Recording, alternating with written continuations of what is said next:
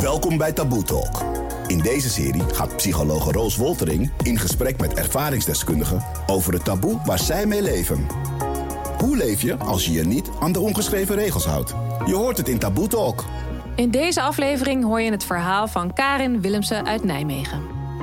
Karin is 52 en werd steeds vergeetachtiger, waardoor ze haar werk in de zorg moest opgeven. Haar hele huis hing vol met briefjes om haar te helpen herinneren aan de meest eenvoudige dingen. Collega's toonden weinig begrip, er met ze over praten was eigenlijk geen optie. Uiteindelijk kreeg ze een doorverwijzing naar het Alzheimercentrum. In de vaatwassen kijken en de bordjes naar kijken om te zien: is dat nou eh, mijn eten geweest of moet ik nog eten? Dit is Taboe Talk. Een branded podcast van KPN. Geproduceerd door NSC XTR. Waarin onbespreekbare onderwerpen aan de kaak gesteld worden. Over hoe technologie mensen met elkaar verbindt. En mensen helpt om taboes toch bespreekbaar te maken. Mijn naam is Roos Woltering en vandaag is mijn gast dus Karin Willemsen. Welkom. Hi. Hey, had jij tien jaar geleden gedacht dat je vandaag in staat zou zijn om mee te werken aan een interview? Nee, nee. Dus ehm, mijn verhaal is ook altijd: ehm, ik heb het tweede leven. dus tien jaar geleden had ik een heel ander beeld eh, eh, bij de toekomst. Toen Mhm. ik eigenlijk midden in dat jaar zat waar ik alle klachten heb ervaren. Ja. En ehm, ja, nog steeds wonderlijk. Zeker omdat we het daar vandaag weer over gaan hebben. ja wat was jouw beeld van en- de toekomst dan toen?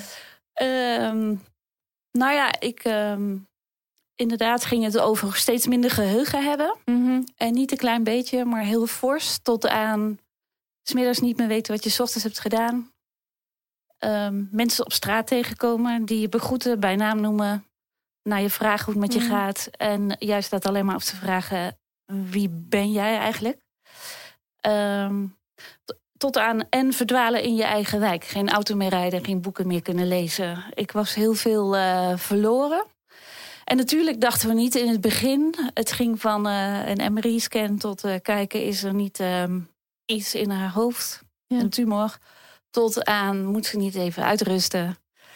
Alles is Eh, voorbij gekomen. Alles voorbij gekomen. De hele medische molen. Tot aan de verwijzing eh, naar het Alzheimercentrum. Jeetje. Wat zul je bang geweest zijn? Ja, en bang. Op het moment dat ik verwezen werd, was ik eigenlijk ook gek genoeg al heel vertrouwd met alles wat ik aan het ervaren was. Heel erg in het hier en nu aan het leven. Ja. Maar goed, ik was ehm 43 jaar, moeder van twee kinderen, Hm. alleenstaand. Hm. Eh, ja, er was één heel grote zorg. Hoe moet het met mijn kinderen? Dat was eigenlijk de grootste zorg en angst. Daar ben ik s'nachts van tegen de muren opgegaan, dat kan je wel zeggen. Vooral van dat gegeven. En dat was echt anders dan kijken naar eindigheid van mijn eigen leven of aftakeling. Gek genoeg kon ik daar eh, mee leven. Even een kleine uitleg over dementie. Eh, dementie is een verzamelnaam voor aandoeningen, waaronder Alzheimer, eh, die je geheugen, je stemming en je gedrag kunnen beïnvloeden. Hoe waren jouw symptomen? Het begon dus met, ehm, ehm, met allerlei ehm, geheugenproblemen, niet op woorden komen. En om benzine in mijn dieselauto tanken. Dat Mhm. soort dingen. Nou, nou bestaan er best mensen die zeggen: Oh ja, echt iets voor mij. Maar dat was helemaal niet iets voor mij. Eh, niet op, eh, op woorden komen, inderdaad. Of bijvoorbeeld ehm, opbellen eh, op mijn werk en vragen naar een manager die al eh, tien maanden geleden daarvoor Ja. was vertrokken. En dat leverde veel misverstanden op. En daarbij had ik ook allerlei neurologische verschijnselen. Dus tintelingen in mijn gezicht, nare sensaties in mijn hoofd.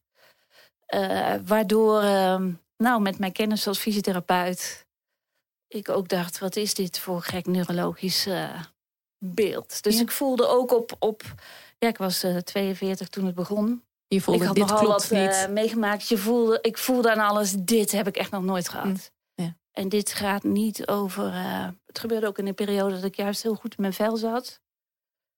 Ehm, heel dankbaar was in het leven, genoot van het leven. Ja. Dus ja, ik kon het eh, ook niet plaatsen. Dus Dus, was- alarmbellen gingen al snel voor mijzelf. In 2014 begon het Radbouw UMC en de Stichting Florence een groot onderzoek naar dementie bij jonge mensen. En de symptomen blijken ook vaak te komen met heel veel gedragsveranderingen, zoals agressie en snel boos worden, depressie en, en lusteloosheid. Had jij dat naast die verschijnselen die je net noemt ook? Nou, dat is wel, uh, als ik dan kijk, hoe kijk ik daar zelf naar? Had ik net als ieder ander mens allerlei emoties. Maar wat natuurlijk, of, of natuurlijk, maar wat verdween als je capaciteit om na te denken verdwijnt, of uh, je wordt impulsiever, dan uh, word je boos en heb je de mogelijkheid niet om het in te houden. Dus wat ik voelde kwam eruit. Ja, zonder filter. Er kwamen precies woorden uit zonder dat ik daar heel goed had over nagedacht. En, en ook dat was iets wat ik in het begin heel erg merkte en verschrikkelijk uh, vond zelf. Dus een voorbeeld uh, dat ik een zebrapad opging, voor mijn gevoel goed had uitgekeken, bijna omver werd gereden door een auto. En die heb ik echt zo vies daarna schelden. Uh, met woorden die, nog, die nog nooit uit mij waren gekomen. En dan liep ik daarna ook naar huis, volledig geschokt met schaamte dat ik dat had gedaan. En de woorden en waar die in hemelsnaam vandaan waren gekomen. En die enorme boosheid die er was. En, uh, en boosheid vanuit schrik. En nu kan ik wel zeggen daarna, ja, dat, dat kan ik nu ook nog voelen als er iets plotselings gebeurt. Maar je hebt het vermogen om het in te houden. Ja. De remmingen, je decorum verdween daarin ook een beetje. Ja. ja. En, en ook terwijl ik nog wist dat het echt niet zo hoorde. Dus wat ik wel merkte, dat mensen heel snel het verband gingen leggen. Uh, jij denkt dus dat dat kan. Uh, je weet niet meer hoe het hoort. Ja, dat wist ik nog oh, heel goed. Maar ik kon me niet meer gedragen zoals het hoorde. En als ik daar dan thuis weer over nadacht...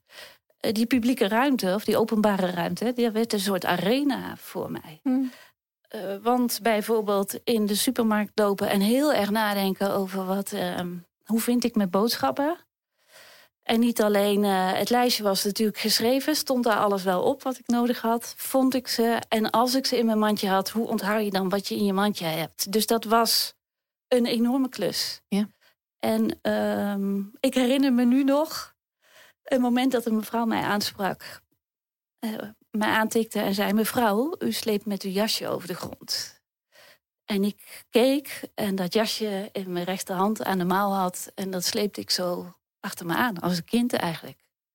Ja, en niet omdat ik dacht dat je zomaar de jasje kan ontlopen, maar omdat ik geen twee dingen tegelijk kon. En hm. al mijn aandacht ging uit naar die boodschappen doen. En dat besef dat ik maar één ding tegelijk kon, ja, maakte me ook de hele tijd dat ik dacht: gedraag ik me wel? Heb ik me eigenlijk wel goed aangekleed. Ben ik met de goede schoenen de deur uitgegaan. Um, ik kwam er in dat jaar achter hoe complex het dagelijks leven eigenlijk hoeveel is. Hoeveel beslissingen je moet nemen. Ja, en hoeveel alertheid, hoeveel dingen tegelijk. Um, en ondanks dat ik met mensen met dementie had gewerkt... en uh, heel veel kennis had en daar aandacht voor had bedacht ik in dat jaar steeds. Oh, wat weten we ook nog veel niet. Dit is Taboe Talk. Uit het bevolkingsonderzoek blijkt dat er in Nederland bij ongeveer 179.000 mensen dementie is vastgesteld. En daarvan zijn er in totaal 52.000 man en 127.000 vrouw. 12.000 hiervan zijn betrekkelijk jong, onder de 65 jaar. Uh, volgens dementie.nl worden de problemen bij deze jonge groep patiënten meestal niet herkend. En duurt het gemiddeld vier jaar voordat er een diagnose komt. Op jonge leeftijd is het vaker erfelijker dan dementie op oudere leeftijd, al dus Alzheimer Nederland.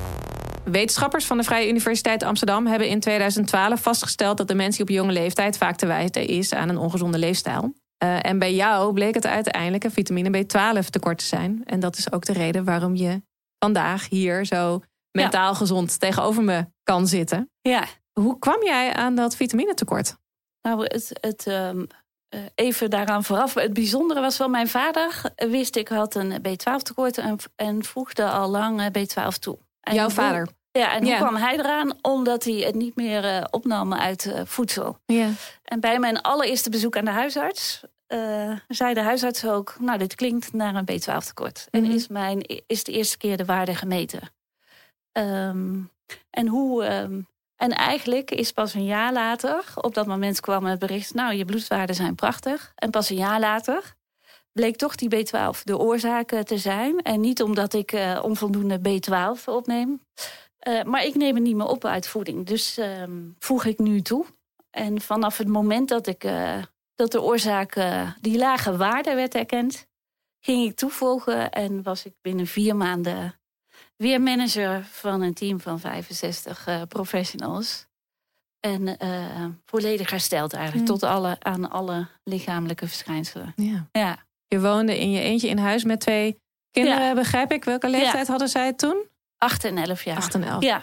En ik begreep dat je je hele huis vol met post-its had hangen op een gegeven moment. ja. Hoe ging dat dan? En hoe reageert je omgeving erop als ze dat zien? Nou, ik was vanaf. Kijk, het is niet iets wat in één keer ontstaat. Al Mhm. die memo's. Eh, het was al vrij bijzonder dat ik bijvoorbeeld een privéagenda gebruikte. Eh, ik stond bekend om mijn goede geheugen. Mm. En ook, ik was ook iemand, had je mij eenmaal iets verteld en je kwam er vijf jaar later op terug, dan wist ik eh, dat nog. Dus ik schafte voor het eerst een agenda aan. Zo begon het eigenlijk. En, ehm, als je uit, en uiteindelijk maakte ik echt een planning. Ik stond 's ochtends op en het eerste wat ik deed was die agenda vullen. En daar werd alles in gepland. Tot aan eh, een kopje koffie, de lunch. En als ik dat niet had gedaan, want er waren ook best dagen, dan had ik daar allemaal helemaal geen zin in. Dan kon ik me ook afvragen in de middag van heb ik nou eigenlijk lunch gehad? Hm. En dan ging ik op zoek naar sporen van, eh, van die lunch. Wel of niet, kinderen waren op school, bleven dan over. En dan ging ik in de vaatwasser kijken en de bordjes nakijken. Om te zien, is dat nou eh, mijn eten geweest of moet ik nog eten? En waarom ging het dan zo? Wat wel, ehm, ik zeg mensen ook altijd, ik had geen partner, dat was mijn pech.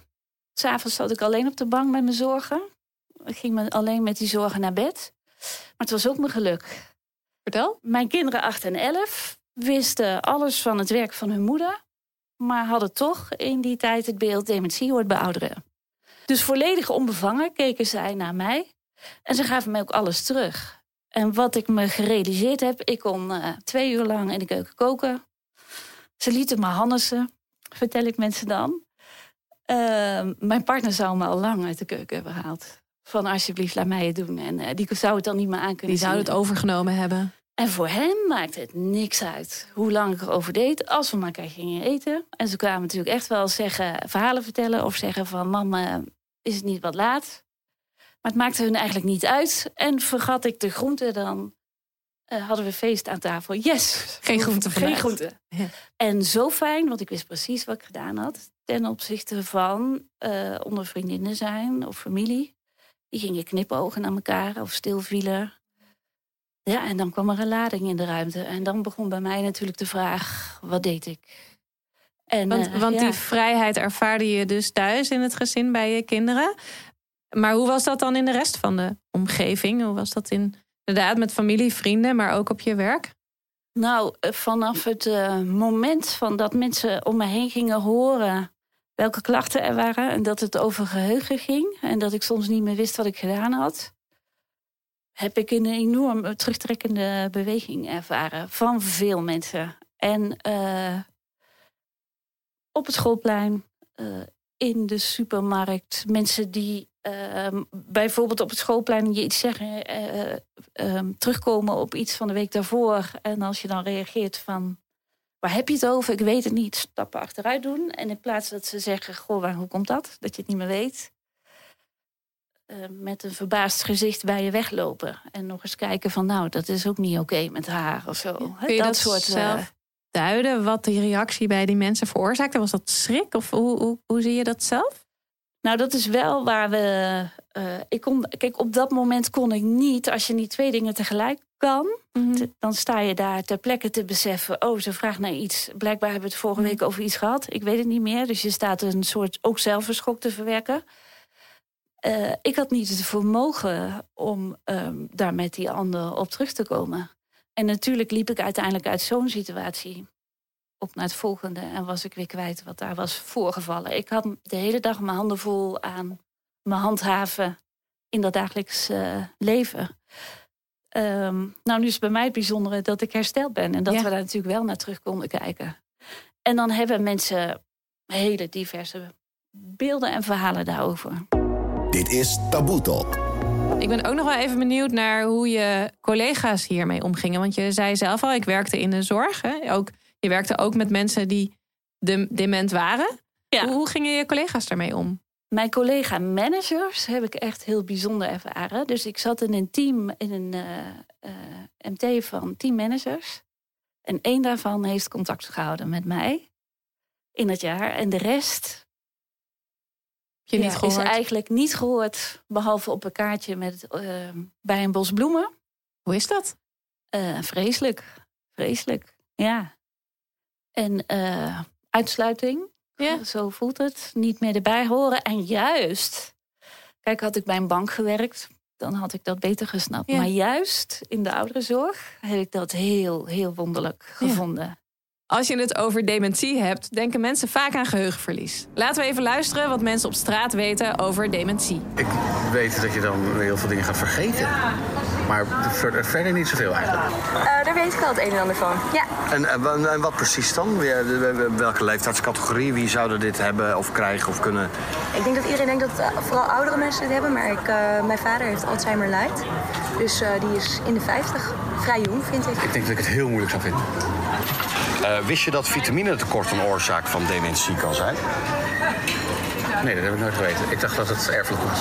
Nee, nee, dat wist ik dan echt weer niet. Nou, ik denk voordat je daaraan toegeeft dat je het toch wel eerst eh, verborgen houdt. Ja. Dat denk ik wel. Ja, ik denk in het begin wel. Omdat je misschien eh, ja, in je verleden te veel hebt gebloot en dingen vergeet. En je schaamt of weet ik veel wat. Maar op een gegeven moment, als je dat niet meer kan ontkennen, dan zou ik er wel voor uitkomen. Ja. Heb jij het lang verborgen gehouden? Nee, helemaal niet. Nee. Nou ja, misschien in die eerste verschijnselen dat je nog denkt... ach, eh, ik vergeet wat, eh, niet helemaal gewoon, maar dat gaat wel over. Maar ik ben al snel eh, gaan delen. En dat is eigenlijk eh, dat hele jaar ook zo eh, gebleven. Ja. En merkte jij in dat delen met je omgeving dat er een sterk taboe heerst? Eh, ja, Hoe merkte je dat? Ja, dus, eh, en met name toen. ehm, kijk, in het begin waren mensen ook wel eh, bezorgd. En wat bekend is bij jonge mensen, ook bij jonge mensen die later dementie, eh, de diagnose Alzheimer of vasculaire dementie of wat dan ook krijgen, dat die op een eh, depressie of een burn-out werden verdacht. En dat Mhm. werd ik ook. Dus in het begin vinden mensen daar nog ergens ook een soort van geruststelling. Oh, dat zal het wel zijn. En als ze nu uitrust, komt het wel weer goed.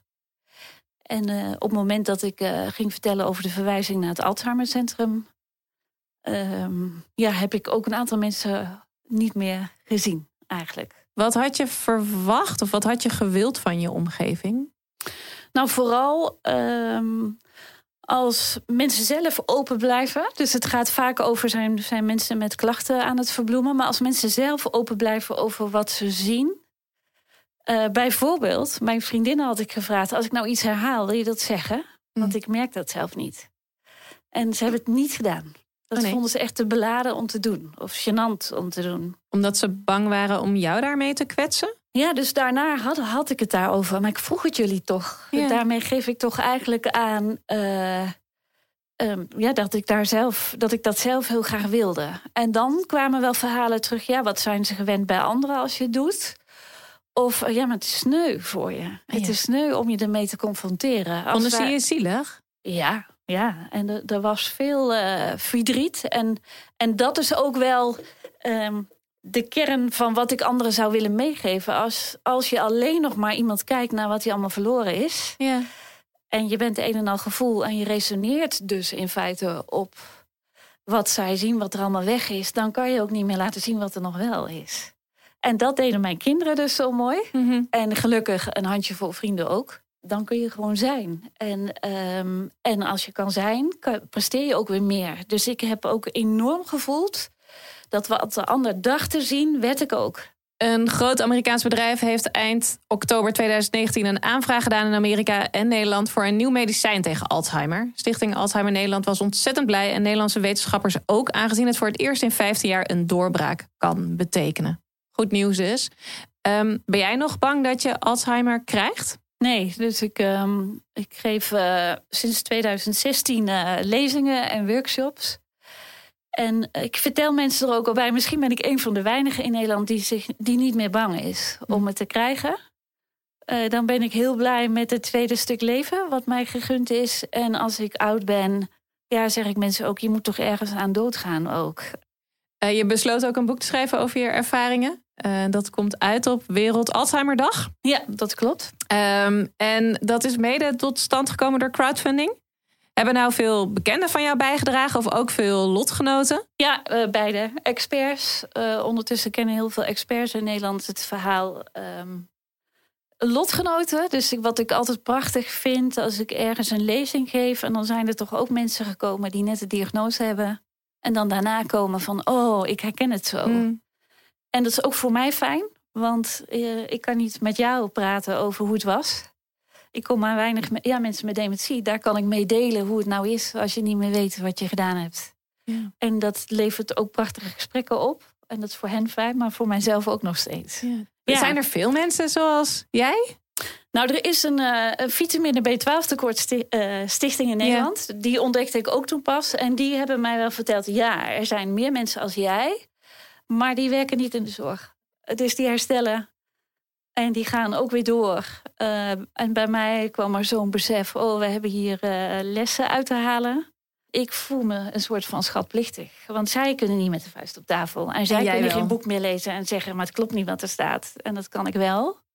En ehm, ja, dus ik voel me nog altijd een van hen. Als het over hen gaat, ja, dan gaat het ook over mij. Ja, Zo dus- voelt het. Vandaar het boek, want lezingen en workshops, dat kun je aan een beperkte groep doen en ook maar kort. En in dat boek leest de, loopt de lezer echt een jaar met mij mee. Ja.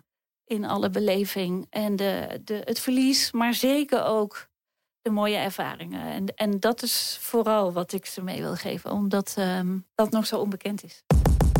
Speciaal voor Taboe Talk verdiepte woordkunstenaar Aquasi zich ook in dit onderwerp. En daar gaan we nu naar luisteren.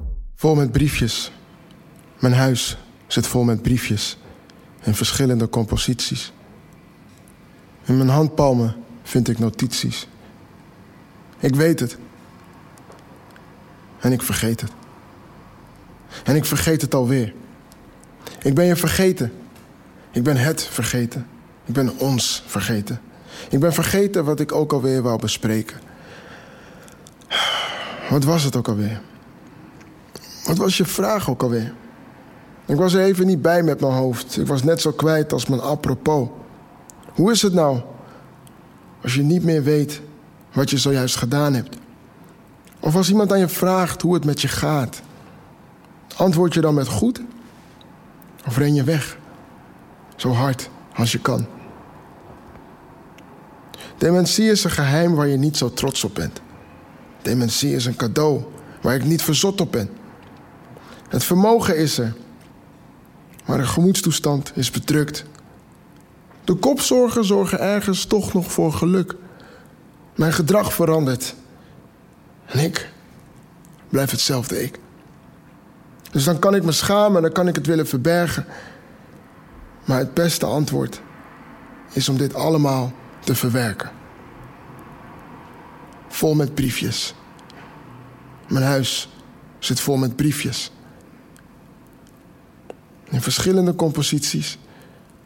En in mijn handpalmen vind ik weer die notities. Dit was Taboe Talk, een branded podcast gemaakt door NRC XTR in samenwerking met KPN, het netwerk van Nederland. Check kpn.com om te zien hoe KPN ook op andere manieren Nederland in verbinding brengt.